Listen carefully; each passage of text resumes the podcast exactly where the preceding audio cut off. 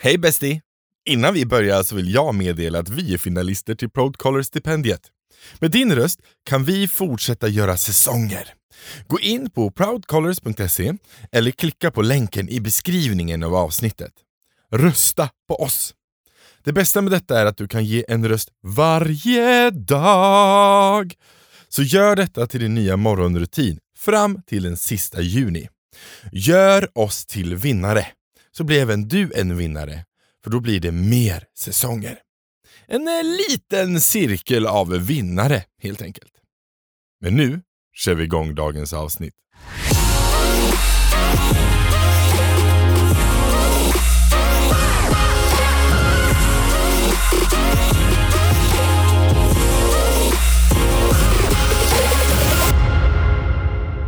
Välkomna till två bögar och en podd med mig, Kim Silverbreider och Kato Helleren. Och eh, Kato, idag har vi med oss en gäst. Vem Ja, men vi det har oss? vi ju. Fantastiskt. Vi har med oss eh, Andreas Jonsson. Hej Andreas! Mm. Hej på er! Hej. Andreas är ju, för er som lyssnar, så Andreas Jonsson kan ju vara ett väldigt vanligt namn, men Andreas eh, är ju en av Sveriges främsta föreläsare inom frågor som rör social hållbarhet, atti- attitydförändring och arbetsglädje. Ja. Så fantastiskt. ja, Ja, det ska bli väldigt kul att ha med dig här i programmet. Ja, men tack snälla för att jag får vara med. Ja, självklart. Ehm, så det kan man ju vara lite av det vi, helt enkelt vad programmet kommer att handla om. Mm. Lite om det här, det vi precis nämnde.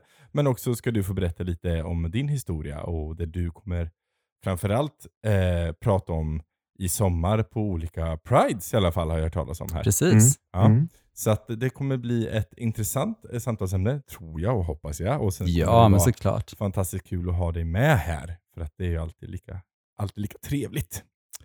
Ja. Ehm, så ja, jag tänker att vi... vi Kör igång, vi, ja, vi tänker kör jag. igång. Följ- Kör, följ- Kim. Ja, följ med.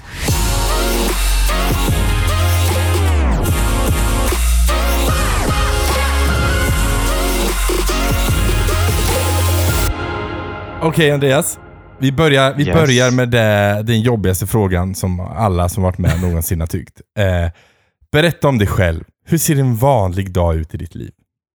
Ja. Ska jag bara börja nu rakt av? Ja, kör! Ja. Eh, nej, men en vanlig dag i mitt liv eh, finns inte, höll jag på att säga, för att det är så många olika eh, dagar som, som är ovanliga. Okej. men men, men eh, jag är ute och reser ganska mycket eh, och föreläser. Mm. Eh, och innan pandemin så hade jag eh, väl 200-220 resdagar per år. Oj. Eh, Så då såg mitt liv eh, ut på det sättet. Sen kom pandemin och gjorde att jag inte reste någonting alls. Och nu är jag ute och reser igen, men har väl fattat beslutet att jag kanske inte tycker att det var jättekul att resa så mycket. Eh, Så att jag försöker styra om mitt liv lite just nu. Så att, eh, en vanlig dag tidigare bestod av väldigt mycket sittande i en bil. Mm. Och då är det många som säger så här, åh, då måste du följa jättemånga poddar. men men eh, tvärtom så jag, jag sitter knäpptyst. Jag lyssnar inte ens på radio eller Spotify. Utan Nej. jag är, du vet, så här, antingen har jag något telefonmöte eller så är jag ganska tyst. För att eh, det, det, det blir en skön eh, meditationsstund nästan. Mm. Vad skönt att vi kör via länk då. Ja. ja. ja. Men, men, men så, så känns det känns väl som en ganska vanlig dag. Ehm, sen har jag försökt att komma in i nya rutiner här det här året. Med att gå en timme varje dag och meditera eh, varje dag. Det har gått så där. Jag klarade det i januari och februari. Ehm, Men sen började det bli vackert väder och uteplatser öppnade upp igen. Och ja, ja. jag skyller på att min sambo fyllde år i slutet eller mitten av februari. Och, ehm, Det har varit en fest sen dess. Då, då blev det fest och sen så fyllde jag år. Så, ja, det är fest helt enkelt. Men vad bra ändå att du körde under januari, februari. Det är bättre än inget. Ja. Ja, men jag. eller hur? Mm. Ja. Mm. Ja men köra, köra ändå en timma promenad i januari, februari varje dag, så det? Det är ändå... Jag gjorde det på ett gångband varje dag. Det jag. jag började hela morgonen så. Ehm, så, Ja. Det, ja, så det var bra. Jag menar, då har du ju gått för hela året, så det är lugnt nu. du är ju klar. Du har gjort Ja. ditt gående för i år. Helt, helt lugnt. Men då kommer vi himla bra in på nästa fråga som är så här att du föreläser ju eh, om attitydförändring liksom. Eh, det är ju perfekt. hur gick det med den här Mm. förändringen? Nej men eh, hur kommer det sig att du började intressera dig för just eh, attitydförändring? Nej, men jag tänker att eh, attityd är det som styr det mesta Mm. i, i, i vårt liv. Vi har en, en förmåga av att eh, se på saker och ting eh, på olika sätt och den, det sättet vi väljer att se på eh, vad som helst formar ju om vi klarar det eller klarar det inte. Eh, och man kan ta vilket skräckexempel som helst på exempelvis en katastrof. Mm. Eh, De som överlever katastrofer pratar väldigt ofta om att de var inte ensamma utan de hade någon som de kunde prata med. Och den inställningen då att nu klarar vi detta tillsammans, jag går inte igenom den här skiten ensam, eh, gjorde att de lyckades eh, ta sig igenom det. Och jag tänker att i, i vardagen så kan vi uppleva små och, och, och eh, större katastrofer eller saker som vi tycker att är jobbigt. Eh, och där handlar det om att faktiskt se på det som ger dig energi eh, istället för att lägga fokus på det som tar all energi. Det gör ju dock inte att det som tar energi försvinner ifrån livet, men det gör att vi lägger fokus på någonting som, som ger energi istället för det som tar. Eh, och Det tycker jag är oerhört intressant när jag läste om det här och ehm, jag har jobbat med de här frågorna nu i 11 års tid och ehm, ja, jag lever väl som jag lär nio fall av tio just nu kan jag väl säga. Bra. Ehm, ja, Nej, men jag, jag tänker så här, för, för jag kanske är en sån där, du vet, jag gillar att prata lite skit eh, du vet, med kollegorna på jobbet. Du vet. Det kanske blir lite så ibland. Mm. mm, mm, mm. Hur ska jag, för det, är neg- det blir ju negativt. Ja, men det behöver det heller inte bli kan jag tänka. Um, alltså, jag, jag tror att vi alla mår bra utav att, att, att um, snacka Ja, nu beror ju, nu vet inte jag vad du menar med skit här i och för sig. Men just det här att få snacka lite dynga liksom. Ja, men att, precis. att, det- och, och klaga på vädret. Jag menar som idag, jag bor i Jönköping. Eh, väderprognosen idag skulle vara 26 grader. Och det är 16. Mm. Och då tänker jag så här, hur kan man diffa på 10 grader i en prognos? Someone did a really Eh, good, good job. Ja, och det-. Det kan väl vara ganska härligt att, att klaga på det då, tänker jag. Mm. Eh, jag, jag tror att vi kan må bra av att få, få klaga. Sen, sen måste vi också inse att det hjälper ju inte att klaga överhuvudtaget. Nej. Nej, Ja, men, men man ja, mår lite bättre när någon känner som en Mm. själv. Liksom. Du vet när någon Ja. håller med, bara, ah, jag vet, det där var inget Jajamän. bra. Liksom. Där, där är Ja. jag så dålig. Eller eh, Kato brukar skälla på mig att jag, han bara, kan du inte bara hålla med? Kan, du- kan du inte bara... Jag menar, när någon bokar in ett tre timmars långt möte, då tänker man så här, vem, vem bokar in ett tre timmars långt möte utan raster? Liksom? Det, är ju, det är ju typ Ja. terror. Ja, det är hemskt. Det- Det, är här, hemskt. Ja, det är jättehemskt. Man bara, ursäkta, skulle jag kunna få gå på toaletten? Ja, men verkligen. Ja. Då, eh, I värsta fall, eh, för jag antar att ett tretimmarsmöte oftast sker via länk, eller? Mm. Eller, tänk, eller tänker du fysiskt närvarande? Nej, jag tänker både och. Via länk är ju ganska, då kan du bara, kan bara klicka bort och gå på toa. Men jag menar, Ja, men- ja. I värsta fall så får man väl köra så här, oj vilken dålig täckning jag har. Så- Stå och skaka lite så här och låter... Vänta, jag återkopplar snart bara. Ja. Eller så går man på toa och glömmer stänga av, Ja. eh, stänga av eh, kameran. det är fantastiskt ändå. Ja. Men, men jag, jag, har hört, jag har hört att, att ändra en attityd tar ungefär 30 dagar. Stämmer det? Att ändra attityd ja, på men 30 alltså, så här, dagar. ja, för in, för en, att, att göra en attitydförändring. Liksom, så här, att, okej, om jag vill, om jag vill eh, tänka mer positivt Mm. så måste Mm. jag göra det nu, konstant, göra medvetet det i 30 dagar i sträck. Liksom, för att jag ska Ja. automatiskt börja göra det. Ja, men jag fattar. Eh, riktigt så funkar det tyvärr inte. Nej, det var ju. Eh, ja. Men däremot så är det ju så att desto mer du gör någonting, desto mer lär du din hjärna att, att eh, arbeta på det sättet. Mm. Eh, om vi tar som ett exempel. Eh, nu känner inte jag er killen, men låt oss säga nu att, att eh, vi scrollar tillbaka tiden tills senast ni stod framför spegeln på toaletten. Mm. Eh, vad var det vi tänkte då? Tänkte vi liksom så här, mm, riktigt het idag? Eller var det, usch, det där är nog en början till en stor finne eller någonting annat. Eller shit vad tunnhårig jag blivit eller ah, nu har jag lagt på mig. Eller någonting annat. Och så tänker jag så här, det är väldigt många gånger som jag tror att både vi tre och de som lyssnar eh, tänker så pass negativa saker om oss själva. Mm. Så vi skulle inte ens uttala de orden till de som står oss antingen nära Mm. eller inte ens de som vi faktiskt tycker ganska illa om i vår närhet som kanske en kollega eller släkting eller en klasskamrat som, som vi stör ihjäl oss på. Vi skulle inte säga de orden till den personen för det finns ett stopp där. Det finns en spärr. Det finns någonting som säger det är inte okej. Men vi behandlar oss själva på det sättet varje dag. Mm. Och då menar jag på att när du inte blir fri ifrån den plågoanden, du kommer inte bort ifrån den här personen. Du går och lägger dig med samma person. Du äter varenda måltid mat med den här personen. Det är en person som följer med dig på varenda dejt, både good ones and bad ones. Alltså, det är ju hemskt. Ja. Där pratar vi terror. Och då pratar jag om att om du kan ändra ditt sätt att se på dig själv, då har du gjort dig själv en oerhört stor tjänst. Ehm, och det är väl min huvudfråga. Att bli vän med dig själv. För att om man kollar på ett litet barn som står framför spegeln och håller sin deo och tycker att han är snyggare än Justin Bieber. Ja, någonstans har vi varit där, men tyvärr så är vi inte där längre. Mm. Och då är frågan, kan vi på något sätt lyckas komma tillbaka till det? Och hur gör vi då? Det älskar jag, sådana där frågor att prata om, Mm. diskutera och komma fram till bra resultat.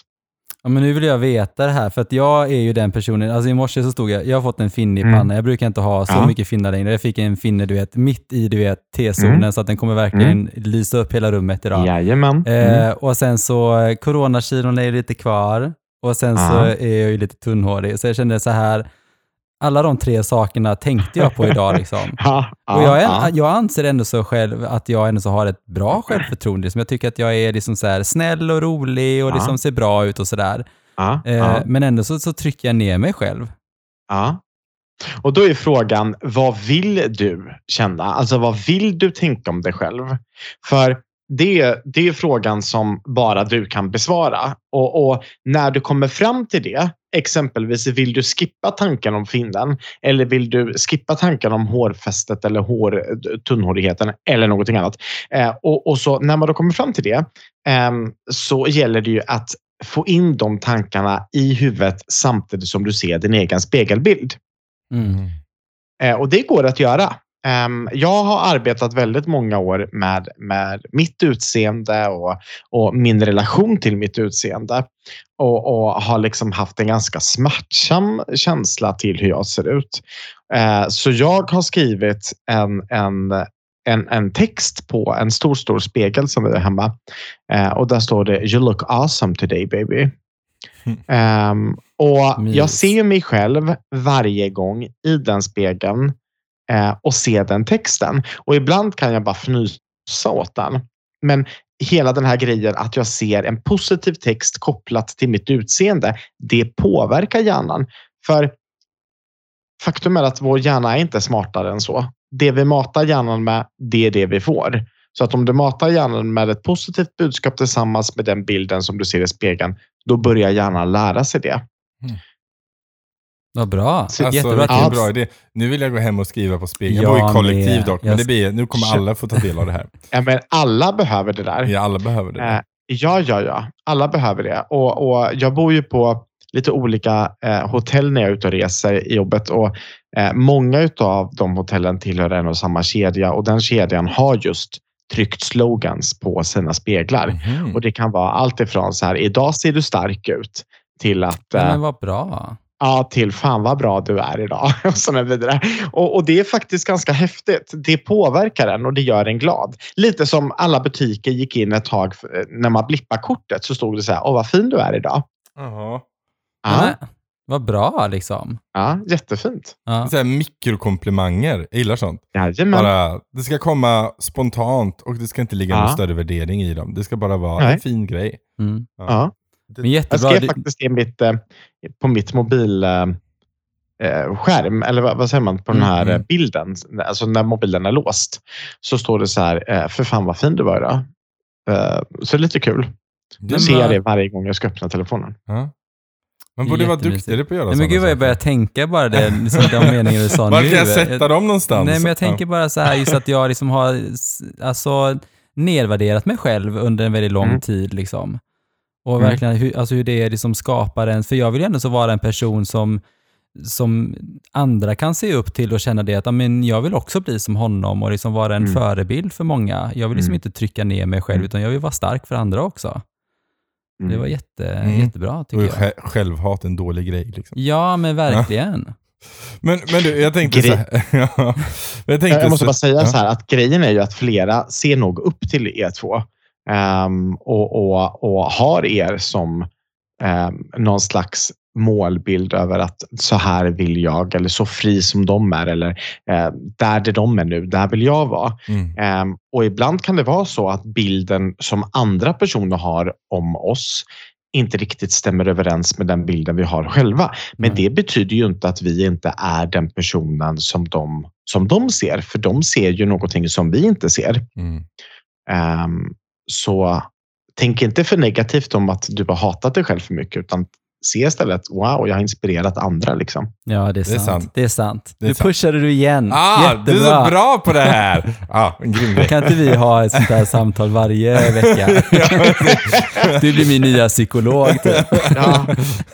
I got your number. Got- fan, nu ringer Men, men, men eh, nu då, du, är, du, nu har du redan gett oss jättebra tips men, har du, Ja. har du tre, tre bra tips på att eh, tänka på om man vill ändra sin attityd? Eh, tre bra tips, absolut. Ehm, utan inbördes ordning här då. Så jag tänker att för det första, kom fram till vad det är du vill ändra. Det är så enkelt att säga så här, jag vill ha ett annat resultat. Eh, ja, absolut. Vem vill inte ha ett annat resultat? Men vad är det du behöver ändra för att få ett annat resultat? Jag, jag brukar tänka på min relation till Nordic Wellness. den, är liksom, den är sån. Jag går dit och köper det här årskortet på hösten när man får 50 på, på, om man betalar allting på en gång.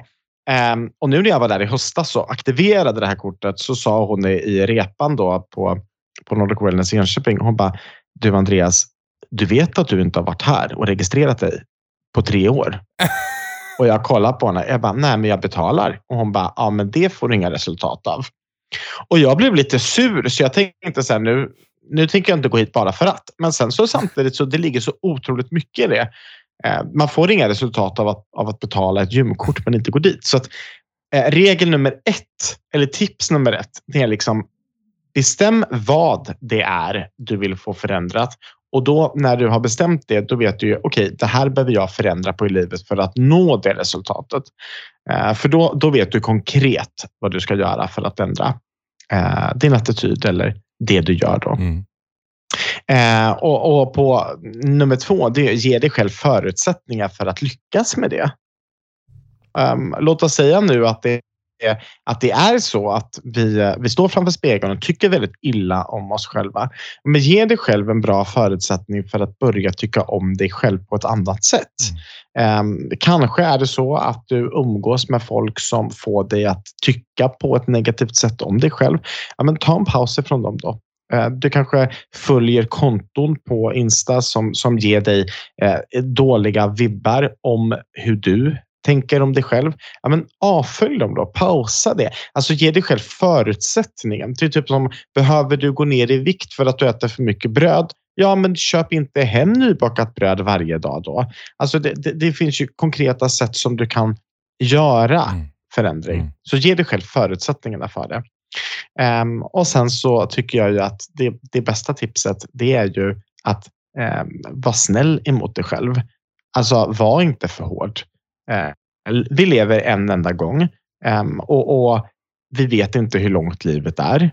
Eh, vissa beskriver sig själva som medelålders när de träffar mig. Det tycker jag är jättekul. För hur vet du att du är medelålders? Du kanske är slutåldern, brukar jag säga då. Och så, så, så dör den konversationen ganska snabbt. Men, men, men det ligger ju någonting i det. Ja, ja, det Hur vet du att du lever och du har halva livet kvar? Det har du ju ingen aning om. Så var snäll emot dig själv. Ehm, och, och Det var väl där jag började så här, tänka i mars. Där då. Ja, men jag, jag lever ju bara en gång, så jag är värd den här bubbelflaskan en kväll igen. Eller den tårtan. Eller varför ska jag gå till gymmet? Varför ska jag gå dit? Mm. Exakt. Så det är en balansgång, men det är viktigt att vara snäll mot sig själv. Det är jätteviktigt. Mm. Mm. Det var faktiskt sant. Jag, jag, har, jag, har, jag har en hälsocoach och hon, eh, hon skällde inte på mig nyligen, men hon sa eh, det som har hänt är det som har hänt. Nu kollar vi Mm. framåt. Eh, Ja. Jag har haft sex veckor som jag har varit, jag har inte kunnat träna, eller jag har inte orkat träna. Jag har jobbat jätte, jätte, Mm. jätte, jätte, jättemycket. Så jag har inte tagit mig Mm. till gymmet. Och då blir jag lite så här, en sån som ger upp lite. Jag bara, nej men jag har redan misslyckats, så skit Ja. i det här liksom. Mm. Och hon bara, men sluta vara så hård mot dig själv. Alltså Mm. du, du har ju inte misslyckats, du har bara haft en paus. Nu, eh, nu blickar vi framåt. Och jag var så här, ja, så, ja, så kan det ju vara. Men jag vill ha en längre paus, sa du Ja. jag vill ha mer paus. Det Nej, var då, men, paus. nej men och, jag- och för grejen är att jag är expert på att så här, ha, skapa rutiner, sätta förutsättningar och sen Ja. så bryts de rutinerna och förutsättningarna och då bara fallerar allt. Och jag bara, nej det, det här gick åt helvete. Istället för att Ja. vara så här, okej, ja men det var där och då, nu kör vi vidare. Det är också för att du, du går mycket på impuls och inte har en rutin i ditt liv. Så det, är nej, mitt, ja, mitt liv är så varierande, det är Ja. svårt att ha rutiner. Liksom. det blir ja. lite Mm. svårt. Mm. Men det tänker jag du som ju- reser ja. mycket. Det är ju, det, för det märker jag, jag reser också Ja. ganska mycket eh, om året. Det är Ja. svårt att typ så här. ja men jag ska gymma fyra dagar i veckan. Alltså det är svårt om man Mm, helt plötsligt ska vara borta i en och en halv månad och bara, hur hur löser jag det här nu då? Det tog Ja. Andreas tre år. Han har inte gymmat på tre år. Nej, men alltså det är svinsvårt. Jag vet, jag vet. Och grejen är så här. Jag har ju haft en PT som har gett mig otroligt många övningar som du kan göra på ditt hotellrum. Eller det här kan du göra och den här maten kan du äta överallt och bla bla bla bla bla. Men alltså det handlar ju också om att du måste göra det. Mm. ja, Och- precis. ja. Mm. Alltså, när jag började jobba med det här för 11 år sedan så satte jag upp ledorden make the change. Och då var liksom change det viktiga, förändring. Och det var så mycket jag ville förändra i världen. Liksom jag ville förändra sättet vi ser på varandra och eh, förutsättningen att leva och så vidare. Men ganska snabbt så insåg jag ju att ord nummer tre påverkas väldigt mycket av ord nummer ett, som i det här Mm. fallet då var make. För att om du byter ut ord nummer ett till tyck eller tänk eller önska eller hoppas, be, då händer ingenting. Utan du måste göra den här förändringen. Mm. Och där tror jag att du och jag är ganska lika. För att eh, så fort jag har ätit en liten brödbit, ja, men då beställer jag in en hel limpa. alltså då har jag redan Ja. ätit den lilla bröd, brödskivan. Så Ja. Ja. ja men då har man ju redan någonstans mentalt gett upp. Att man är så här, Ja. man bara, ah, ja fuck it, nu, nu åt jag en chokladboll. Då kan lika gärna Mm. beställa in en wienerbröd och en tårtbit också. jajamän. Man är Jag så är här, tvärtom där. Jag blir så här, verkligen så här. För jag slutade äta socker för fyra år sedan och jag är verkligen så här, jag skulle aldrig äta socker nu.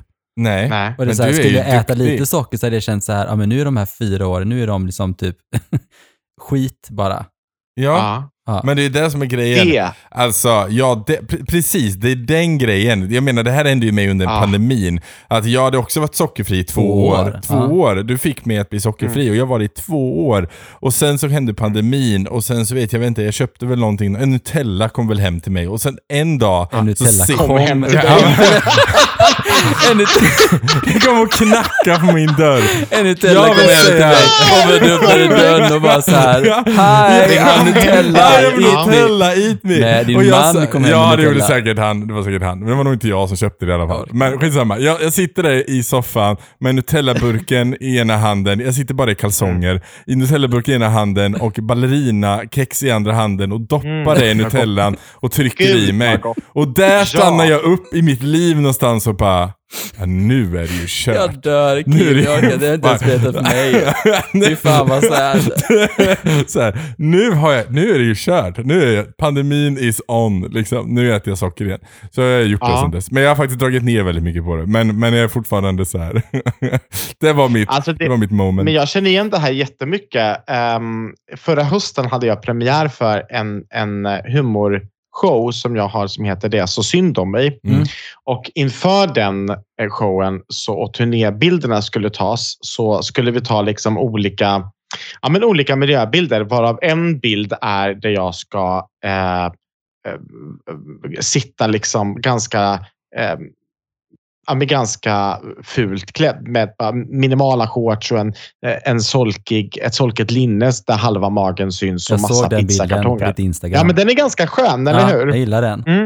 Och, ehm, och sen så har jag en annan där jag försöker träna bort magen och så vidare. Och, så vidare. och för att ta de här bilderna, då ville jag ju, då ville jag ju ha den kroppen. Så att jag, eh, och det var ju ingenting som jag liksom åt mig upp, utan det var ju den kroppen jag hade. Men till mitt försvar då, under hela sommaren när, när jag fick lite pika. Ska du inte gå ut och gå? Jag bara, nej, jag ska ju ta bilder här i höst. så, så hade jag liksom ett försvar. Och eh, eh, då hade vi turnén under hösten och det var ju succé och det var ju väldigt kul för att nu i höst så eh, fortsätter vi då i 25 orter till. Och i, eh, eh i februari där i år när jag hade ändå liksom hållit igång gott varje dag, den timman där på morgonen och ätit sunt och så vidare. Då fick jag faktiskt kommentaren men gud vad du har gått ner i vikt.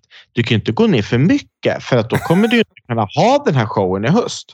Och jag tror att det kanske är därför som jag tillät mig själv att börja äta um, osunt igen. Jag vet inte. Ja, Men, det- Jag, jag är lite så här, alltså lite allergisk mot den. Alltså varför måste folk hela tiden kommentera hur man är i sin kropp? Ja, liksom? ja. Det är så här, ja, oj, men senast idag var det någon som bara så här, oj, ska du verkligen ha så mycket mat? Jag bara, jag mikrofastar, Mm. jag äter ingenting från klockan liksom sju på kvällen till klockan ett på dagen. Det är så här, mm, mm. shamea inte vad, hur mycket jag äter eller hur jag ser ut, Nej. låt mig, låt mig vara i min egen kropp. Det är min kropp liksom. Mm. Och det är också så här, oj, ska du verkligen gå ner så mycket i vikt? Du får inte göra det. Och ja, men Att Mm. man hela tiden påpekar de här grejerna. Det är jätteviktigt det du säger och, och jag tänker att där behöver vi alla bli bättre på att Mm. eh, håll inte på och alla bär ju på någonting. Ehm, så, så tryck inte på, på de grejerna som, som kanske kan trigga igång någonting sen. Liksom. Nej. Det, jag har ju, har ju det problemet med mig själv att jag, eh, jag tycker ju om björniga män. Alltså jag tycker om Mm. en stor kroppsmassa. Mm. Eh, men jag själv vill ju inte ha en sån kroppsmassa. Men jag är så ibland står jag i spegeln och bara, fan vad snyggt det är med den där magen. Jag gillar den här magen. Och sen bara, alltså, jag vill inte ha den där magen. Och så står jag där och så bara, jag Ah. tycker typ att jag är snygg, men jag vill ändå inte se ut så. Så att jag har conflicted feelings about myself och min egen kroppsform ibland. Ibland är det så här, nu är jag typ en björn och så bara, men jag vill inte vara en björn. Nu Jag fattar inte hur vissa Mm. kan ha typ en, en, typ en dad bud fast den är, typ, den är, den är kompakt. Liksom. Det är ingenting som hänger. Det är också Nej. så här, ja jag fattar inte. Alla ser ju olika ut. Så Jag är det vet. bara. Ja. Så orättvist. så orättvist.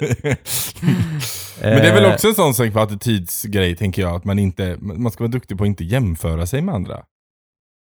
Absolut. Och Det är lite därför jag satt också rubriken Det är så synd om mig på turnén. För att vi tycker att det är så jäkla synd om oss Mm. hela tiden. Som idag. Jag tycker det var synd om mig. Jag jag var lite ledig här eftermiddags. Hade tänkt att njuta av 20 26 grader.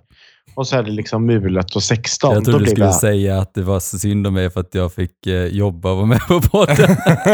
Nej, det här har jag sett fram emot länge.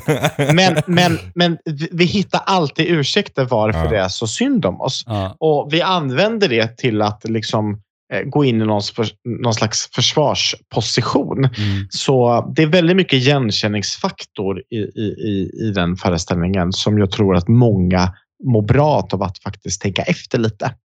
För jag kan vara så här, liksom att jag, jag kan vara ganska liksom, spontan att åh gud, det där gör vi, vi går ut och äter, vi gör det där, vi gör Mm. det där. Och så hela, så bara, hela nästa vecka är helt fullproppade grejer. Man bara, Mm. gud vad härligt. Och sen kommer Ja. måndag, bara, jag vill bara vara hemma. Jag vill inte Ja. typ, ja, men under corona, typ så här, jag är lite hostig, jag kan inte hitta på något. Jag bara, gud vad skönt att jag Ja. slipper att göra någonting. Ja. Det är också så här, men jag vet ju att när jag väl går ut och gör de här grejerna så mår jag ju jättebra av det. Men min Mm, kropp mm. säger typ, du ska vara hemma och ligga i soffan och kolla på film Ja. och snacksa typ. ja, jag känner igen det där jätteväl. Ja, men, men, men du, du, du föreläser ju om att må bra på riktigt. Och, och om, Mhm. eh, om man inte mår bra då? Hur, hur ska jag tänka för att må bra? Finns det några enkla saker i vardagen bara för att? Finns det något man borde kontakta eller borde man eller göra små saker? Det här är ju otroligt individuellt varför du inte mår bra eh, och, och varför personen i fråga eh, ja, men mår som den mår.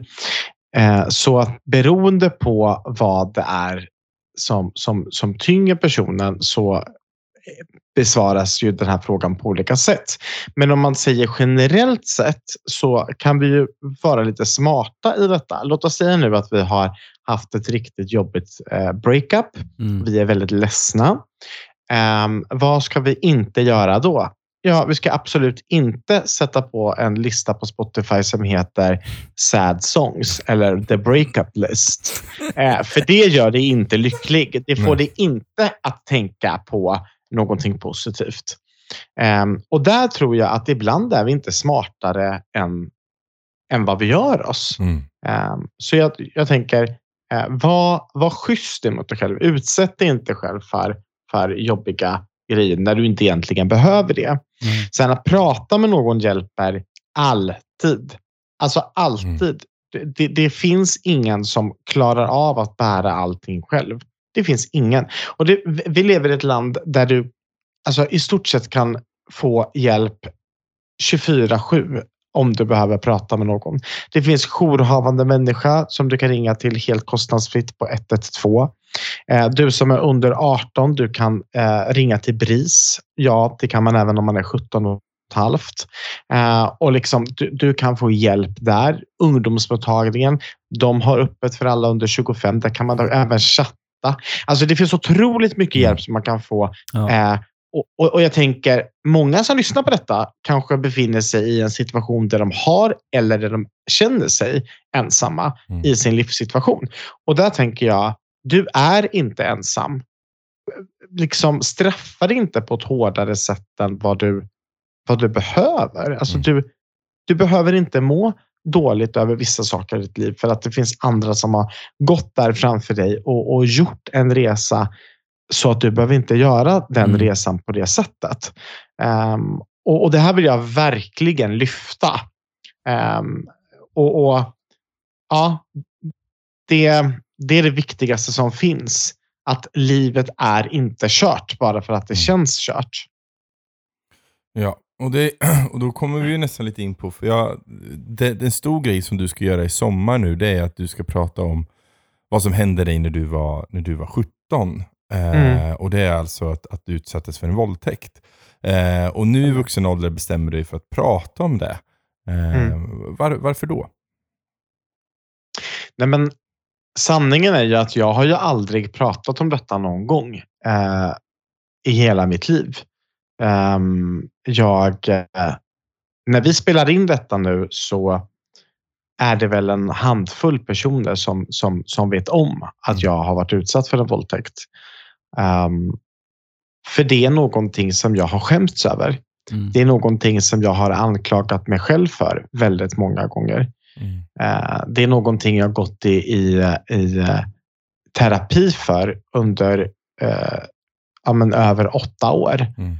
Ehm, och, och som jag fortfarande faktiskt eh, pratar om eh, med samma terapeut. Så att jag tycker att ehm, det är viktigt att lyfta detta för att det finns säkert människor som känner så som jag har känt Mm. ehm, fram till precis nyligen. Att eh, jag är ensam i det och, och eh, det var nog ändå mitt fel. Och, och där kan jag känna att kan jag hjälpa en enda person så vill jag göra det. Um, och, och, det, är det, det är det viktigaste som finns, att vi, att vi slipper känna oss ensamma. Mm. Mm. tycker det är jättestarkt och jättefint att verkligen alltså, ha det tankesättet att verkligen hjälpa andra. Det är mycket tanken av alltså, idén med våran podd. Eh, just mm. att faktiskt kan man hjälpa en så, så har man gjort ett, mm. ett liv någonting bättre. Mm. Eh, att Exakt. verkligen nå ut, att eh, någon kan få en bättre uppväxt eller sådär. Så att jag förstår verkligen. Eh, men hur, hur tog du dig liksom igenom, alltså åtta år, och liksom, men hur, alltså hur, alltså vad ska man tänka på? Alltså vad, vad har du för tips liksom? Att, eh, Nej men alltså om man säger så här, idag är jag 39. Eh, jag blev våldtagen när jag var 17. Ehm, så eh, det är liksom en väldigt bra bit av mitt liv som mm. jag har levt under ett förtryck utav den här mannen. Um, och det som gjorde det som gjorde det väldigt skamfyllt för mig, det var att jag, jag kom ut väldigt sent som gay. Mm. Eh, jag, jag brottades fruktansvärt länge med min sexuella läggning. Eh, pappa var pastor när jag växte upp så att jag hade liksom väldigt många klara regler om vad det är som gäller. Vad mm. som är och vad som inte är. Vad du ska och vad du inte ska.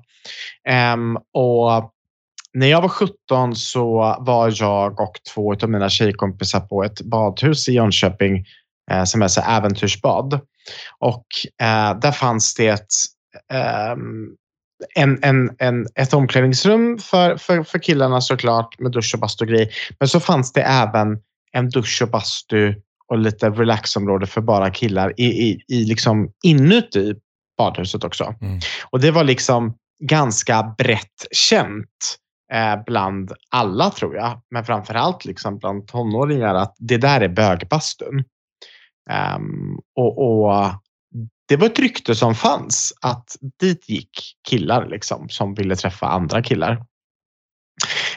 Um, och jag gick dit för att jag var oerhört nyfiken. Jag mm. visste ju mycket väl att jag var eh, antingen gay eller, eller bi eller vad jag nu än eh, letade efter för rubriksättning på, på mig. Liksom, mm. Så visste jag att det här var någonting som, som lockade mig. Um, och när jag då gick dit, jag, jag gick dit en gång och det var den gången som jag blev våldtagen.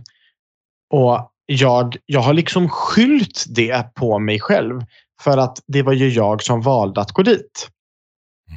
Um, det var jag som valde att gå in i den bastun. Jag visste att i den bastun um, så fanns det ett rykte om att det var en bögbastu. Då. Um, och, och, någonstans har jag lyckats köpa det i mitt huvud, att det var mitt fel. Det var jag som utsatte mig själv för det. Och egentligen är ju det lika idiotiskt som att säga att om du har på dig en kort kjol och går ut som tjej, mm. då, då, då, då är det ett lika med tecken att det är okej att, att bli sexuellt trakasserad. Mm. Vilket är helt självklart att det inte är så. Mm. Men, men i mitt huvud så har jag liksom jag har kämpat med den, den, den förklaringen och den bilden. Eh, och jag pratade inte med någon om detta för att om jag hade pratat med någon om detta, då hade jag varit tvungen att berätta att jag hade gått in till den här så kallade bögbastun. Mm. Och då hade jag ju förmodligen tvingats att komma ut. Mm. Och det var ju eh, det var nog nästan ännu värre mm. än att det skulle komma ut att jag hade blivit eh, våldtagen. När var första gången du liksom vågade öppna upp dig och prata om det till någon? Hur lång tid efter var det? Eh, oj, det var ganska lång tid. Eh, jag tror att det hade gått åtta eller nio år mm. när jag berättade det första gången. Eh, och när jag väl tog mod till mig att, att vilja anmäla den här mannen, mm. eh, då hade brottet preskriberats. Ehm, och eh, det var efter att jag hade, jag hade sett, jag visste, alltså, jag, jag hade sett den här mannen um, och jag kände igen honom så väl. Och han gick över ett övergångsställe och jag var den bilen som stannade för att låta den här personen gå över gatan. Mm. Fy, och om, om jag inte, ja, det var helt fruktansvärt för att om jag inte hade haft eh, två stycken medpassagerare den aktuella minuten, då vet inte jag vad jag hade gjort. Mm. Eh, för jag fylldes av sånt extremt eh, hat och agg och irritation och ilska emot vad han hade tagit ifrån mig. Jag var en kille som gillade basta, som gillade att besöka badhus, Mm. som gillade att bada eh, och som inte badade på ett badhus på nästan 15 år. Eh, som fortfarande än idag har lite problem att gå in i en bastu. Jag gör inte det om inte jag har med mig någon kompis. Nej, Mm. såklart. Alltså, Så, så, så liksom, jag, jag, jag, blev arg och ville ta tillbaka det, eller hämnas på något sätt. Men, eh, och då, då ville jag anmäla honom. Eh, men, men då sa polisen att eh, det kommer inte leda till någonting eftersom det är så pass länge sedan. Mm. Ehm, så att nej, men det har varit en fruktansvärd resa. Och, och ehm, jag valde att berätta detta nu inför eh, juni som liksom är internationella Pride-månaden. Mm. Det, det, det är då varenda företag stripar om sina loggor till en regnbåge. mm. Det är inte det det handlar om. Det handlar inte om New York Pride. Det handlar inte om en logga med olika färger på. Det här handlar om att vi måste lyfta och våga prata. Det, det finns tusentals människor i Sverige som går omkring och tror att de är ensamma om att gå igenom den resan det innebär att komma ut. Eh, innebär att, att gå igenom en, en, en kris i vem du är. Och vi är inte ensamma och där är ju er podd fantastisk för att den hjälper ju så många människor att förstå att hej, hallå, du är inte ensam i detta. Mm. Och, och om jag kan dra mitt strå till stacken genom att öppna upp mitt hjärta utifrån det som har tyngt mig länge så gör jag gärna det. Jättefint. Alltså, Alltså, superstarkt alltså. ja, verkligen. Jag sitter här och bara, du är jättefantastisk och jag, En sån inspiration till verkligen. att våga öppna upp sig och prata. För jag tycker att det här är ett ämne som är så viktigt. mm, Eh, och, och också för individens skull. Alltså gå och bära på en sån sak är ju inte, Mm. Det, det gör ju också att man inte mår bra. Så Mm. få ut, prata med folk, eh, ta samtal, eh, kom ut för människor och berätta om, om din upplevelse. Det, Mm. och det här är en, det är så himla bra stepping stone liksom, Verkligen. för eh, andra. Ja. Mm. Ja, men det är viktigt. Samtidigt som att första gången som jag berättade detta så var det för några som stod, som stod eller står mig väldigt, väldigt nära i livet. Och en av de personerna uttryckte sig på ett väldigt eh, eh, klumpigt sätt och, och sa eh, fast du är kille så du kan inte bli våldtagen. men Och jag tror att den meningen är inte helt ovanlig. Nej.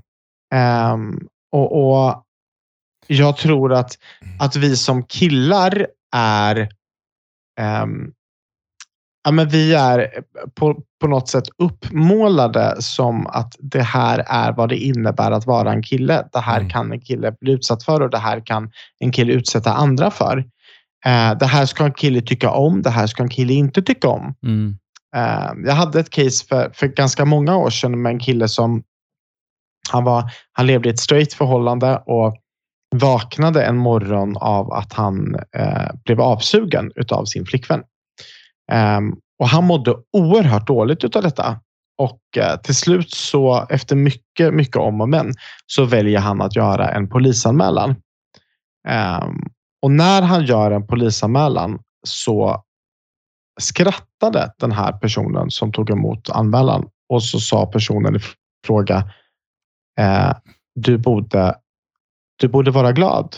Varenda kille skulle vilja vara i din situation. men alltså, ja. Och, och, och, och det här, och, vilket då ledde till massvis med konsekvenser och så Mm. vidare. Men hela den här grejen att Mm. vi som killar, vi ska reagera på ett specifikt sätt. Mm. Bara för att vi har en könstillhörighet som heter kille. Mm. Mm, Eh, Jag var väldigt nära att berätta om, om det här övergreppet som jag blev utsatt för under, under metoo. Um, men jag vet att då fick jag till mig eh, ifrån flera håll att eh, metoo handlar inte om killar, det handlar om kvinnor. Mm. Um, och, och, just det här, det, det, var inte övergreppen i sig det handlade om, utan det handlade om en könstillhörighet. Och um, alltså jag, ja, men jag vill verkligen starkt ifrågasätta hur vi, hur vi tänker kring, kring de könsnormerna då som vi har. Um, för om du, om, om du uh, ska sitta i, på ett regelverk där du ska bete dig på ett speciellt sätt bara för att du har en specifik könstillhörighet. Vad händer då när du inte passar in i den normen? Mm. Uh, eller om du inte ens vill passa in i den normen. Precis, Nej, men vet ju till exempel under metoo så var det några som anmälde Kevin Spacey till exempel som hade, eh, och han åkte ju liksom dit för det. Mm. Så jag menar, det är ju också så här, det är också en, alltså att du ändå så känner att du vill ta emot till dig och någon annan stoppar dig för att det är så här, men det här handlar inte om dig. Men det är klart att mm. det gör. Det handlar om alla som utsätts för oavsett. Det, mycket var ju för att det var en kvinna som drog igång den delen mm. i som metoo-rörelsen, men menar, och att många kvinnor deras röster tystnas. Men jag menar, samma är det ju med män också. Kolla till exempel på ja, men, eh, eh Patrik Sjöberg och mm. eh, Peter Jöback till exempel, som också mm. kom ut i mm. senare liksom, mm. ålder och berättade om att de hade varit utsatta för övergrepp. Eh, varför tror du att det är så svårt för folk att prata om det? Liksom? Eller just det här med, för jag menar metoo-rörelsen fick ju ett jättegenombrott på grund av att mm. ingen har vågat prata om det. Mm. Alltså jag tror att det finns en extrem tabu, eh, alltså nästan som en, en, eh, en blöt disktrasa som har varit blöt lite för länge så den luktar riktigt illa. Som liksom ligger på. Mm. Eh, liksom, och, och, det, är, det, är inte, det är liksom inte okej okay och det är inte tillåtet och du ska inte. Um, och det är också lite så här, jag har också fått höra ja men du ska väl inte komma och smutskasta eller, eller säga någonting som kan skada som kan skada communityt nu. Um, vi har ju kämpat så länge för att det ska vara ett, liksom ett regnbågscommunity. Skada inte det nu. Um, men det är ju precis som att vi skulle vara beskyddade från rövhål i det här communityt bara ja, för att precis. Alltså det, det, funkar ju inte riktigt så. Um, sen har jag väl förstått att i efterhand att mycket Eh, mycket utav ehm, min erfarenhet utav sex ehm, har sin grund i, i den våldtäkten. Um, att det var liksom där jag skapade en, en bild utav um, av uh, att sex måste, måste det måste vara någonting som, som trycker ner en eller, mm. eller skadar mig eller gör mig illa, antingen i huvudet eller rent fysiskt. Mm. Um, och, och det, det trodde jag ju att det var så att det skulle vara. Um, och, och, det är ju helt absurt också att det tog väldigt, väldigt, väldigt många år um, och, och fruktansvärt många uh, osunda sexuella relationer innan jag träffade Henrik som jag lever med nu. Mm. Som liksom har visat mig en, en, en, en, helt annan sida och som har liksom visat att sex kan vara liksom snällt och nice fast mm. ändå jävligt hett. Alltså, det, ja, men, men alltså, det, och jag tror att vi vågar inte prata om sånt. Nej. Nej. Jag, alltså, jag tror det på riktigt. Alltså, jag tror också så här att, att för män så finns det ju jättestigma att män ska älska sex. Mm. Eh, det, som jag har pratat om i podden många gånger, att jag till exempel inte är speciellt sexdriven person. Liksom. Mm. Eh, och får kämpa mycket med det. Det är ofta den där kommentaren men du ska vara glad för att någon vill ha sex. Liksom. För mm. det är alla mans önskan. Man bara, fast jag är inte sexdriven på det sättet för första, från mm. första början. Så att för min del så är det bara absurt att ens folk ska påpeka en sån sak. Ja. Och det är ännu mer, alltså det sjukaste som finns. Jag vet inte, någon har vi sett, Bianca Kronlöf har släppt en, eh, en miniserie på SVT nu. Eh, hon nämner där i nämner hon så här att eh, på topplistan på vad män är mest rädd för i världen mm. är att bli utskrattade. Mm. På topplistan mm. för kvinnor är att bli mördade. Eh, det är ja. ganska mycket, det säger ju ganska mycket här hur, hur män ja. ser på saker. Och då ja. att ringa in till till exempel polis, säga hej, eh, jag är man och jag har blivit våldtagen och bli utskrattad. Mm. Det är ju... Som han blev, den här killen som du berättade om. Mm. Aha. Ja, då blir man ju... då blir, det är ju det, det, är ju hemskaste då enligt statistiken, vad som Mm. kan hända en man. Eh, och det är ju också fruktansvärt. Varför kan man inte ta en mans känslor in i, i, en, i att förstå och ha empati för det? Liksom. Mm. Mm. Och det är, ja. det, det, är sånt där, det där kan jag irritera mig på, speciellt när det kommer till just hela sexbiten. Mm. Att män måste gilla det. Eh, för Mm, det är jättemånga som inte gör det. Och, det, och det jag skulle säga att din sexdrift eller din sex, sex liksom, vilja har ju ingenting med ditt kön att göra. Nej. Det har ju Nej, med hur, nej. Nej. hur du som människa gillar och vad du tycker är nice och vad så. Ehm, ja. Mm. Nej, verkligen. Men jag, jag tänker så här Andreas, om, om det skulle vara någon, till exempel, för vi har ju några eh, lyssnare som är yngre och även någon som är Mm. äldre eh, såklart. Men jag tänker så här, om det, om det skulle vara någon som, som är i din situation som du var när du var 17, vad, vad skulle Mm. du ge för tips till den personen? Vad Mm. man, och inte liksom vänta så länge som du väntade till exempel. Nu är det ju jättebra att du går ut och pratar om det, självklart. Men jag menar, eh, det är alltid bra som du Mm. sa innan, att det är alltid bra att prata med någon för att det är det bästa. Ja, och grejen är att alltså, stäng inte det inom dig för det äter upp dig. Det, det, är, som en, liksom, det är som en pest som förstör dig och som, som äter upp dig.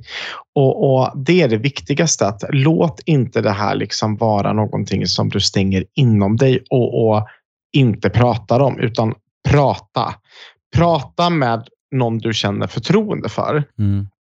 Och, och eh, Det kan vara tufft när man går på en gymnasieskola eller högstadieskola att prata med ett elevhälsoteam eller kuratorn eller så vidare för att det är en person som du måste se i korridoren varenda dag. Mm. Men prata inte med dem då. Prata med ungdomsmottagningen exempelvis för att dit kan du gå och sen kan du gå därifrån och du behöver aldrig mer gå dit om du inte vill. Eh, det, det, det finns liksom massvis med möjligheter att snacka om sånt här. Även digitala plattformar finns det ju otroligt många bra eh, liksom, eh, sätt att, att prata om svåra frågor.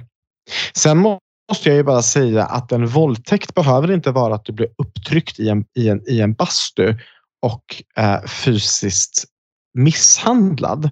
Utan det kan liksom vara att du är med den du älskar eller kanske älskade Mm. eh, och att den personen tränger sig på dig fastän att du inte vill. Eh, och, du, du uttryckt, och, och du uttrycker att du, du, du vill inte.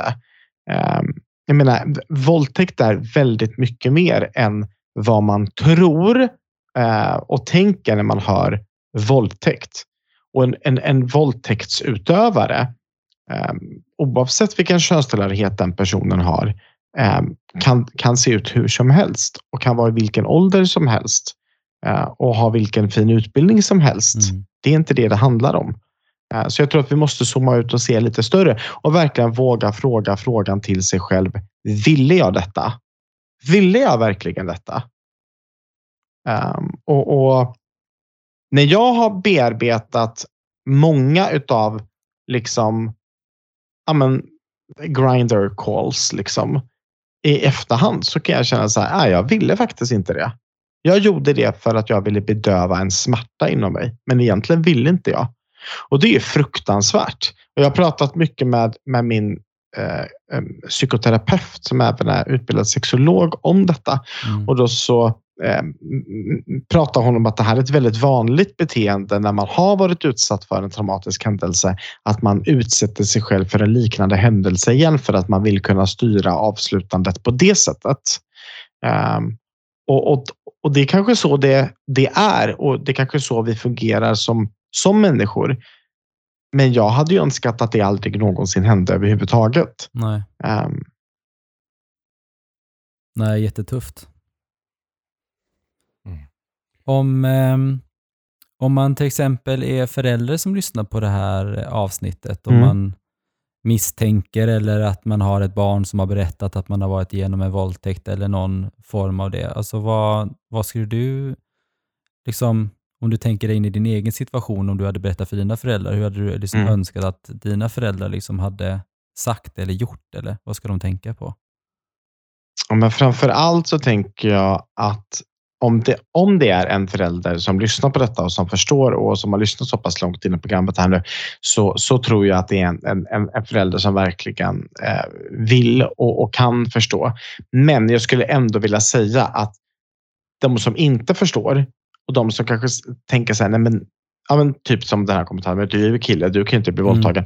Alltså, det ligger inte hos dig att avgöra det. Mm. Det ligger hos den som är utsatt. Så när du är utsatt för en kränkning eller ett, ett, ett, ett brott eller en misshandel eller en våldtäkt, då är det upp till den personen som, som det handlar om att Mm. Ha, vad har jag blivit utsatt för? Hur påverkade detta mig? Det kan ingen annan säga. Man kan liksom inte gå fram och säga så här, nej men du känner inte på det sättet. Mm. Det är inte så du upplever. Mm. Jo, det är det. Så det är liksom, förminska inte, utan liksom lyssna. Det här, Mm. är, det, det här är ditt barns upplevelse. Ehm, sen tror jag som sagt att de flesta som lyssnar på detta redan förstår det. Ehm, men jag vill ändå skicka med den punkten. Mm. Ehm, men till dig då som lyssnar och förstår detta, det är bara visa att du finns där. Mm. Visa att du finns där. Och visa inte bara att du finns där för att det är en dramatisk upplevelse eller händelse som har inträffat, utan visa att du finns där in good times and in bad times. Mm. Så att liksom visa att du finns där så att det, det, det går att snacka eh, inte bara de här djupa grejerna. Mm. För då kan det ibland vara så att man känner, jo fast nu, nu är det ju lite orostankar. Det är ingenting akut för att det är ingenting jättestort som jag behöver prata om. Så därför pratar inte jag. Ja, men visa att du kan prata om allt. Mm. Visa att du kan prata om att du tyckte att det var jobbigt att det var 16 grader i Jönköping idag. Mm. Alltså visa att du kan prata liksom. Eh, det är det viktiga tänker jag. Det är faktiskt en sak jag brukar säga till mina vänner som eh, ringer mig och är ledsna eller upprörda över någonting och de säger ja men det är ingenting eh, egentligen, Mm. det är bara små saker. Då blir jag så här, ja fast det spelar ingen roll för att dina känslor har du rätt till och som Ja. du känner, då känner du så. Ja. Känner du sorg, då är du i sorg. Mm. Det är ingen Ja. här omkring, inte jag, ingen annan som kan säga att du inte är i sorg. Utan Nej. känner du den känslan så har du den känslan. Det finns Ja. ingen som kan tvinga dig till någonting annat. Nej.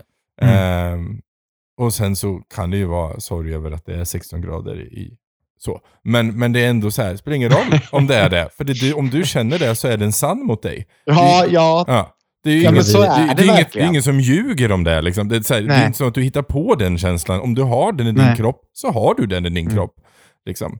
Eh, och, och låt den få vara där och prata Ja. om den. För det är jättefine. Gör gärna det. Liksom. behöver vi skicka shade till SMHI i den här podden nu känner jag. De kommer, Ja. de kommer ringa Ja. oss sen och säga bara gud förlåt, förlåt, förlåt att det var så. 10 grader, det är lite väl Ja. mycket. Mm, ja, förlåt. men det är inte okej alltså. Usch. Nej, jag tycker ett eh, offent, eller sånt, vad säger man så här, en offentlig ursäkt liksom. Eh, Jag brukar Ja. säga så här. Fool me once, shame on, shame on me. Fool me twice, shame on you. Uh, fool me Ja. 365 days, you're a weatherwoman. Så att, eh, Ja, men lite så ja, faktiskt. Ja, är SMHI. Eller- Mm, Yes, yes. Ja, Ja.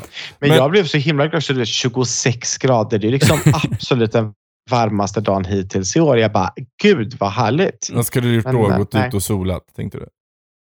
Ja, nej, men jag var och föreläste i Närke i morse Mm. och så, och så eh, skulle jag ha det här i eftermiddag här nu. Så jag hade ju liksom ganska, ganska skönt emellan lunch fram till nu. Så då Mm. tänkte jag, perfekta soltimmar. Ja. Och sen Jag har så- knaprat lite så här brun utan soltabletter så att det är bara att lägga sig i solen så blir jag brun direkt. Ah, ja, min Ja. man, min man och, är det så här maxi-sol eller? Är det det? Det är det faktiskt inte. Det är en, det är en konkurrent till dem.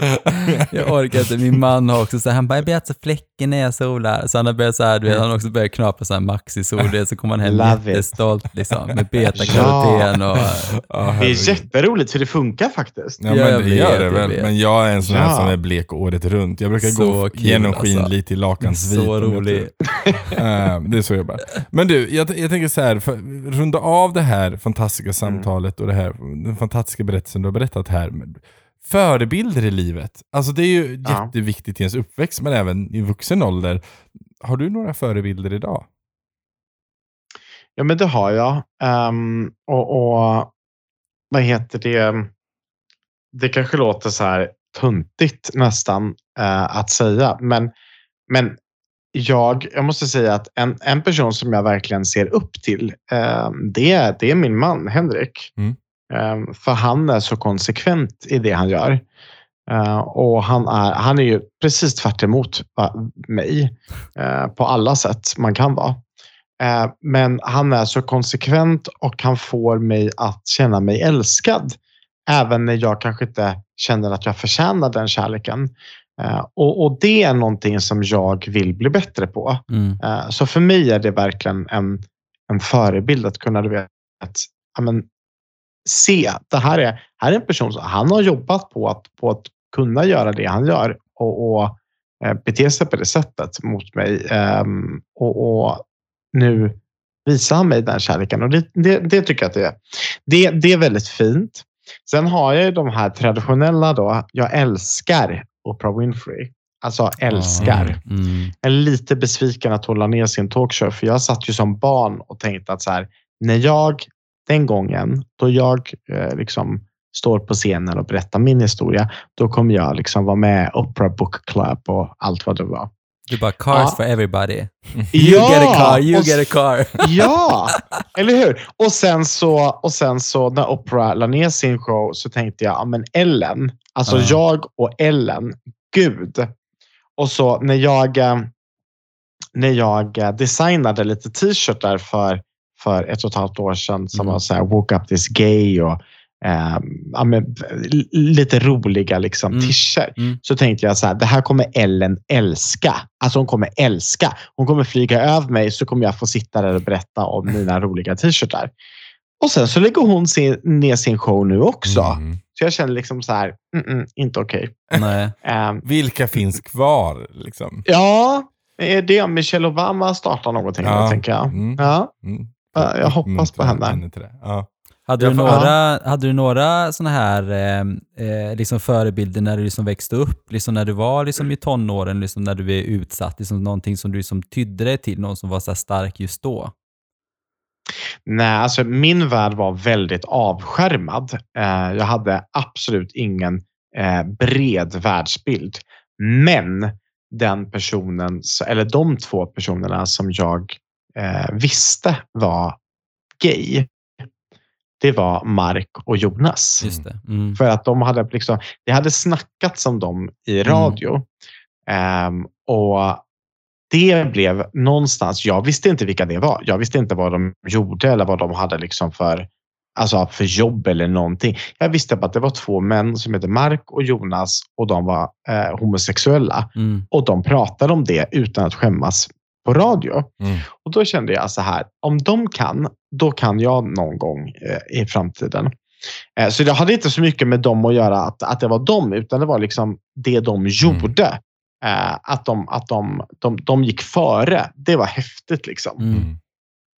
Jag är så himla imponerad av människor liksom som har banat vägen för oss, att vi faktiskt kan sitta här och ha en podd, Ja, och att vi kan Otroligt. gifta oss, att vi kan liksom Mm. leva våra liv i Sverige liksom i trygghet. Att det är någon som faktiskt har Verkligen. kämpat för det. Liksom. Mm. Ja. Och därför tycker jag också att det är så himla viktigt, det jobbet som, som vi gör och det som du också Mm. gör Andreas, just det här att vi tar vidare den stafettpinnen och Mm. gör någonting, vi gör världen lite glammigare. Liksom. Att vi försöker, Lite bättre. nej men för Ja. någon annan människa som också växer upp, tänk om någon liksom växer upp och säger så här, nej men, ja, men som du berättade nu Mark och Jonas, att ja, men Kato fick mig att göra det här. Mm. Det är, så här, det, är ju, det är ju världens största komplimang Mm. någonsin. Jo, men det är det verkligen. Och, och, och det är väl det som är eh, målet med livet också, tänker jag. Att vi ska få folk att kunna känna så. Mm. Ehm, Verkligen. Och din, Ja. eh, din kille, eh, han förtjänar en guldstjärna för att han har eh, eh, gett dig så mycket kärlek, att du ändå så känner att, eh, ja, men att han har varit en inspiratör i ditt liv och att du vågar liksom öppna upp dig och sådär. Så jag tycker det var jättefint. Ja, men tack. Eh, jag- jag kommer ju säga till honom att jag har pratat om honom här nu. Ehm, och då kommer han säga så här, varför gör du det? För att han är ju så här, han vill inte att någon ska säga någonting. Men han är verkligen, han är värd att höja ett glas för. Ja, det, det låter som min, min, min man. Han är likadan. Jag Ja. vågar inte, han, han, han vågar inte lyssna på den här podden. För han är livrädd att vi, men han, han är livrädd att vi ska prata om honom hela tiden. Så han får Ja. typ bara ångest av tanken. Så att, nej. Nej. nej, så han lyssnar inte på den här podden. Han, Alltså så kul, som att det är som Kato och Kim pratar om Marcus-podden. Marcus i alla liksom. avsnitt. Så han brukar fråga när jag kommer hem, han bara, vad pratar ni om idag? Så brukar jag alltid säga, ja, då får vi lyssna på avsnittet. Han bara, Ja, nej, jag vågar inte göra det. jag vågar inte. Nej. så, ja, alltså, han vill inte heller bli, han vill inte bli sedd, han vill inte bli alltså, så offentlig. Han, han är inte dugg intresserad av att vara en offentlig figur. Liksom, Mm. Överhuvudtaget. Och så är han liksom... Eh, Ihop med mig. Han är ihop med Men det är mig. så roligt för att alltså, jag pratade utan att jag egentligen tänkte på det om Henrik på scen i, Mm. i avslutningsscenen i Det är så synd om mig. För att då, då började vi prata om att eh, när man blir tillsammans med någon så slutar man att fisa. Mm. Och, och Det är jättejobbigt att inte få fisa för att när du är singel så får du fisa hela tiden när du är ensam.